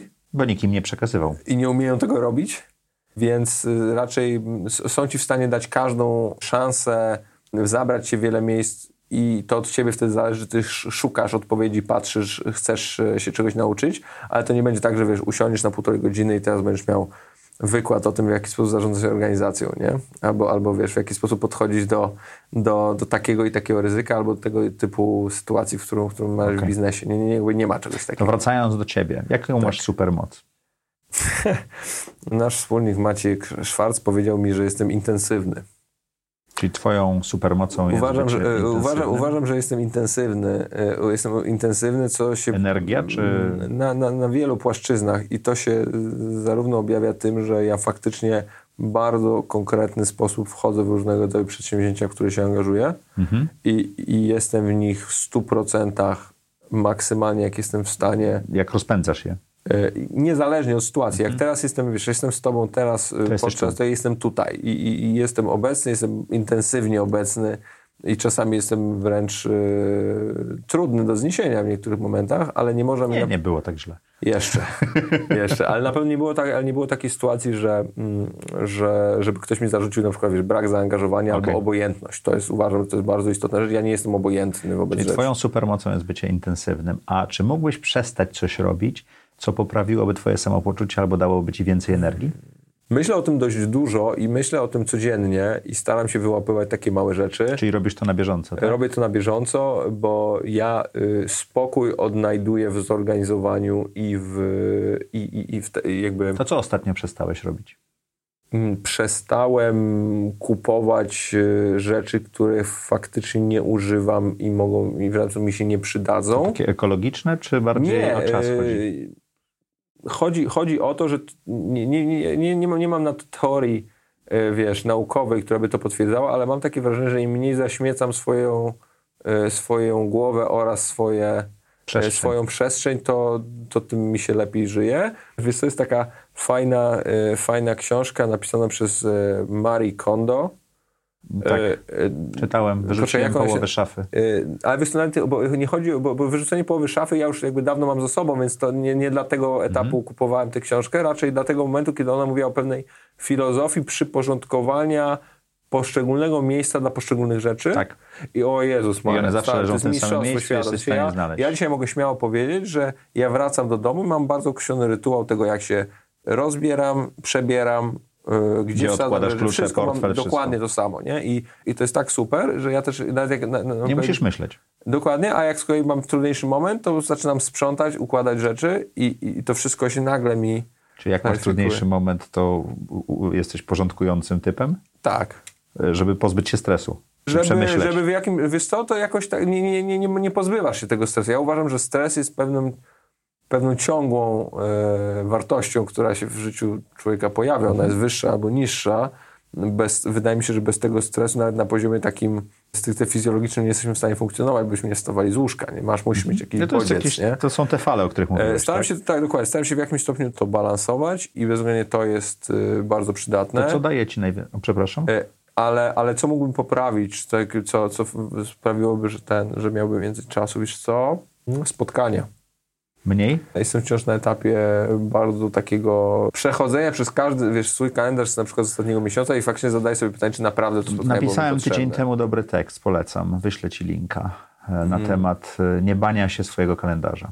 Wiesz co, ja widziałem tylko ten o, o tym, jak dotrzeć do osoby, której, do której chcesz dotrzeć. To, to jest, jest wczoraj. Wczoraj, a tydzień to, temu puściliśmy. A to wiesz, to muszę zobaczyć. To chętnie, chętnie, to, chętnie. Nawet przejrzę. dłuższy jest taki. To, to, bez, to bezwzględnie. To, jest, to, to, to widzę, że to jest, to, jest, to jest przydatne i też bardzo pomaga takie uświadomienie sobie, gdzie ty wnosisz największą wartość i gdzie faktycznie ważysz najwięcej.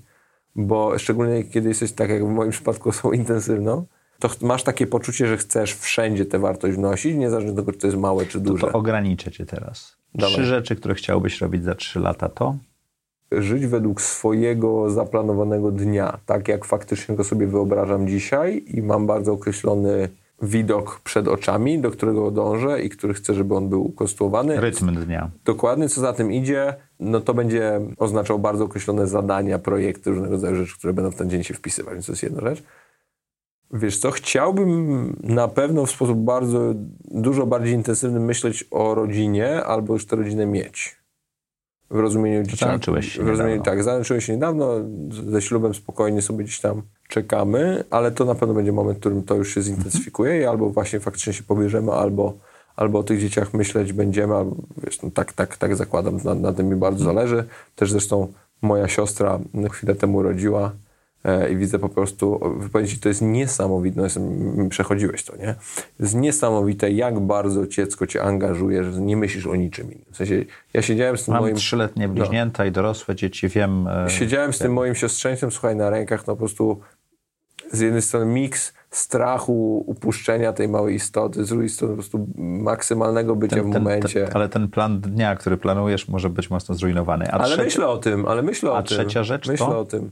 E, a trzecia rzecz... E, wiesz co, w życiu zawodowym wychodzę z założenia, że człowiek się uczy identyfikować, co mu pasuje, a co mu nie pasuje chcę robić rzeczy, które mi będą pasować, które będą zgodne z, z jakimś takim moim ja, w których się będę spełniał. Mm. I to jest, i, i, ze względu na to, że nie jestem w stanie przewidzieć, jak wiesz, życie będzie wyglądało za trzy lata, bo wiesz, życie, różnego rodzaju rzeczy się mogą zmienić, ale wiem, że na pewno się w tym świecie odnajdę i chciałbym tworzyć rzeczy i projekty, które są zgodne z jakimiś wartościami, które w życiu wyznaję. Dobrze. I to jest, i to jest, dla mnie choler, cholernie istotne. Mocne. Mam takie stałe pytanie, jak wygląda twój dzień A to ci mogę powiedzieć, bez ale rozumiem, że jesteś w trakcie planowania, żeby wyglądał lepiej, tak? E, Żeby nie, wiesz co, żeby wyglądał inaczej, żeby wyglądał inaczej, bo już, już śmiało mogę powiedzieć, że te krańcowe momenty mam stałe i one są super i tak one będą Tylko wyglądać. środek trzeba zarządzić. Środek, środek jest, jest uzależniony mocno od To co jest na krańcach? E, Sport? e, Piąta, 45, szósta wstaję, spacer z psem, sport, śniadanie z moją narzeczoną, podróż do pracy z, z moją narzeczoną, łapię kawę. Pracujecie razem? Nie, nie, zawożę ją do pracy. A, okej. Zawożę ją do pracy. Łapiesz kawę? Łapię kawę, czytam e, podstawowe informacje, newsy i zaczynam dzień. A, Zazwyczaj, a, a to druga część klamry? e, no wracam pomiędzy siódmą a ósmą, Mhm. po już po wszystkich tematach, e, zrzucam z siebie rzeczy, przebieram się w jakiegoś rodzaju bardziej komfortowy, komfortowy ubiór, e, czytam, wychodzę z psem, znowu czytam, A rozmawiam. kto wychodzi się. z psem w środku, w środku dnia? Wpadam o 13. A, czyli masz przerwę Codziennie? w biznesie. Tak, co, co, co, codziennie dbam o to, żeby być u mojego psa na, na, na, na kwadrans.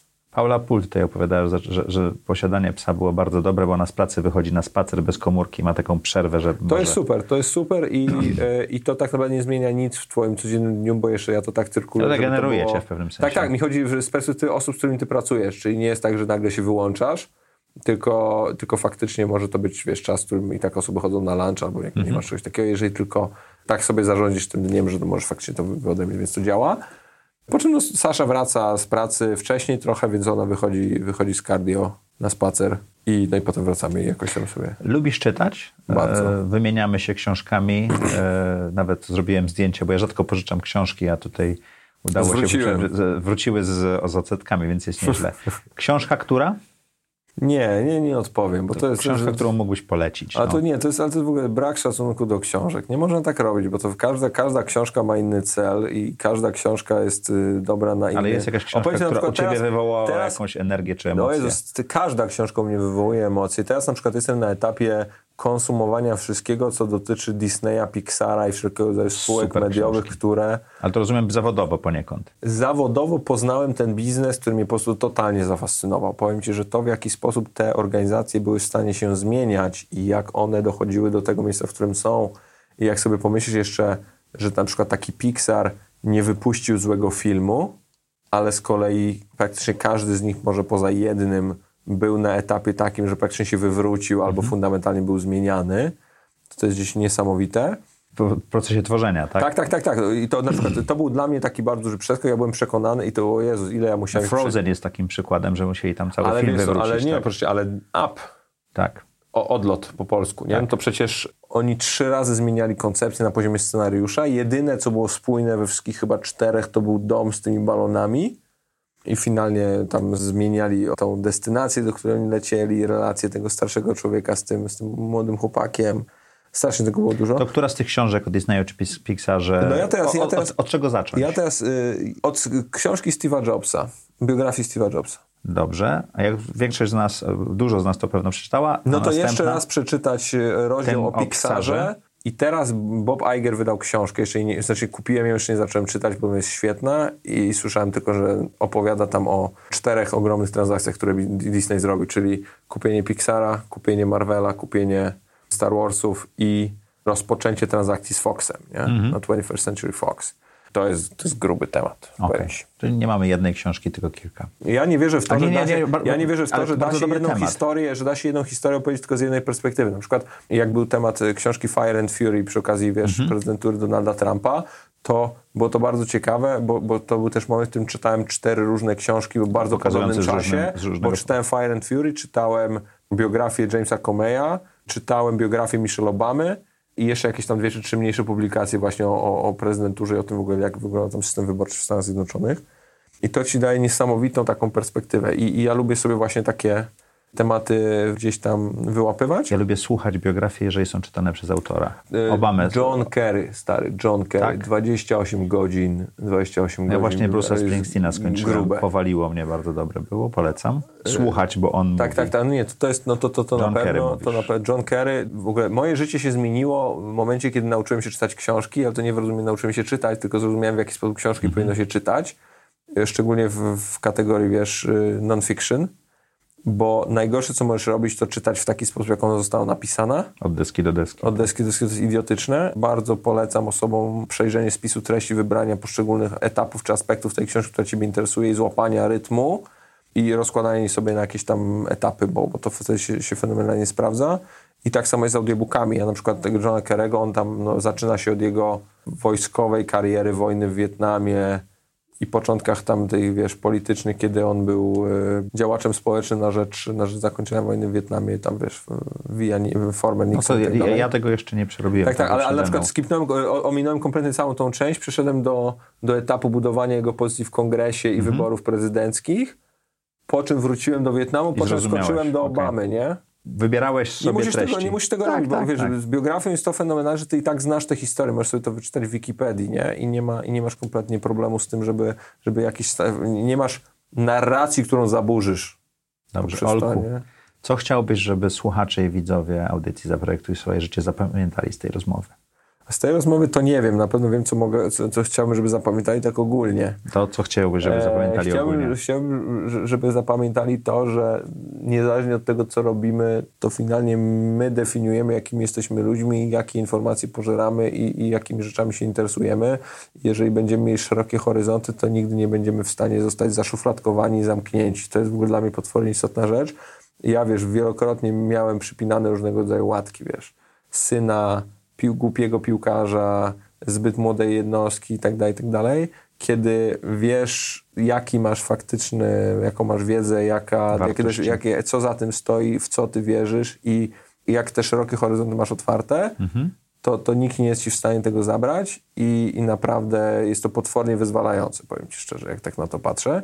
I dla mnie jest, dla mnie bardzo fajny jest to, fajny jest to czas, że mogę dzisiaj faktycznie poznawać różne rzeczy i mieć takie przekonanie naprawdę, że jakbym się dzisiaj zaparł, no to mógłbym się przebranżowić z dnia na dzień, zacząć jutro kompletnie inną karierę. I, Ale to jest to, co mówię, że ze sportu tak, i nie mam, nie, mam tak. takiego, nie mam takiego strachu, żebym sobie z tym nie poradził, bo widzę bardzo określone bloki, które po prostu musiałbym zrobić. Musiałbym dużo czytać, musiałbym dużo pytać, musiałbym dużo pracować i wytrzymać. I to jest to. I bardzo życzę wszystkim osobom, żeby miały taki etap w swoim życiu, żeby mogły tak, takiej zmiany dokonać. Z drugiej strony jestem, wiesz, ogromnym fanem na przykład pracowania w jednej firmie przez bardzo długi czas. Ale to można zrobić jedno i drugie. Nie? Dokładnie. No zresztą jesteś dobrym przykładem, nie? No, w pewnym momencie zmieniłem zupełnie. Dokładnie. Bardzo Ci dziękuję. Cała Bardzo Wam dziękuję. Nagraliśmy prawdopodobnie najdłuższy odcinek w historii Zaprojektuj swoje Tak? życie. No, wyszło tam godzina 30, godzina 40. Szok, nie? Ale dobrze się rozmawiało. Słuchaj, jak, jak my nagrywaliśmy, to też kancelowałem spotkania w międzyczasie, więc ten i przedłużałem parking. Prawie dwie godziny chyba się nagrało. Ponad, ponad, dwie godziny. Tak, już, już nie pamiętam. Jak co czwartek o czwartej zapraszamy Was. Mam nadzieję, że udało Wam się nacisnąć już subskrybuj i napisać komentarz w czasie rozmowy. Lajki i komentarze jest to, dzięki czemu trwamy i żyjemy. To powoduje, że te algorytmy, o których wspominałeś, pomagają i, i, Maciek i potrzebuje napędzają. lajków, żeby wstać z łóżka, więc... Ja potrzebuję lajków, żeby wstać z łóżka, nie piję tyle kawy, ile, ile lajków wchłaniam. Dziękuję Wam ślicznie i do zobaczenia za tydzień.